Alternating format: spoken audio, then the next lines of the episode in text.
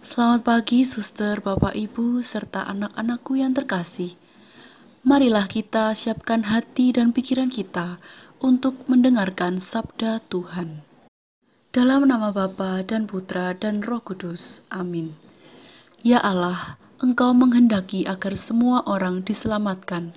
Semoga kami dapat mendengarkan sabdamu dan tidak mengikuti keinginan kami sendiri seturut teladan Yesus Kristus Putramu yang taat kepadamu dengan perantaran Kristus Tuhan kami.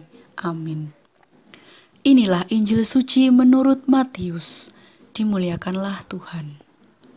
Pada suatu hari, ada seorang datang kepada Yesus dan berkata, Guru, Perbuatan baik apakah yang harus kulakukan untuk memperoleh hidup kekal?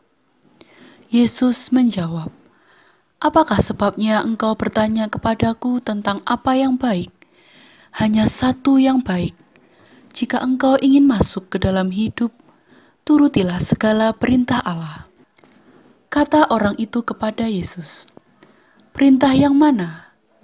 Kata Yesus, "Jangan membunuh." Jangan berzina, jangan mencuri, jangan mengucapkan saksi dusta, hormatilah ayah dan ibumu, dan kasihilah sesamamu manusia seperti dirimu sendiri.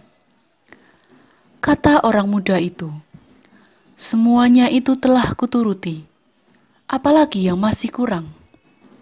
Lalu Yesus berkata, "Jika engkau hendak sempurna, pergilah, jualah segala milikmu, dan berikanlah itu kepada orang-orang miskin, maka engkau akan memperoleh harta di surga.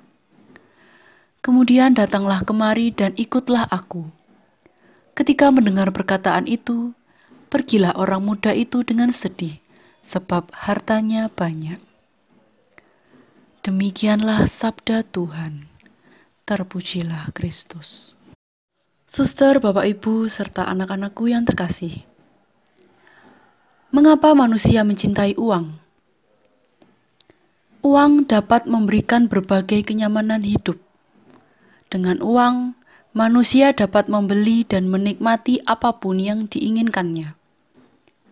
Uang tidak lagi dilihat sebagai sarana untuk berbuat kebaikan, melainkan candu yang membuat banyak orang mengumpulkan kekayaan sebanyak mungkin. Allah tidak melarang kita memiliki kekayaan dan hidup makmur. Namun, perlu kita waspadai bersama bahwa mencintai harta lebih dari Allah sama seperti kita menyembah berhala.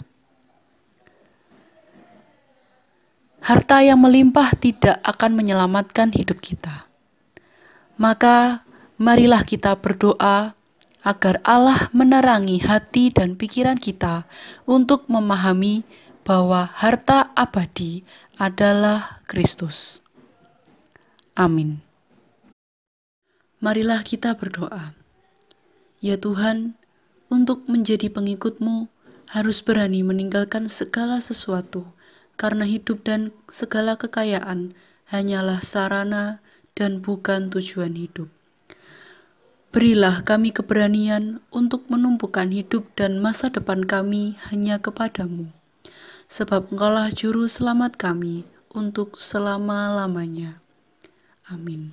Dalam nama Bapa dan Putra dan Roh Kudus. Amin.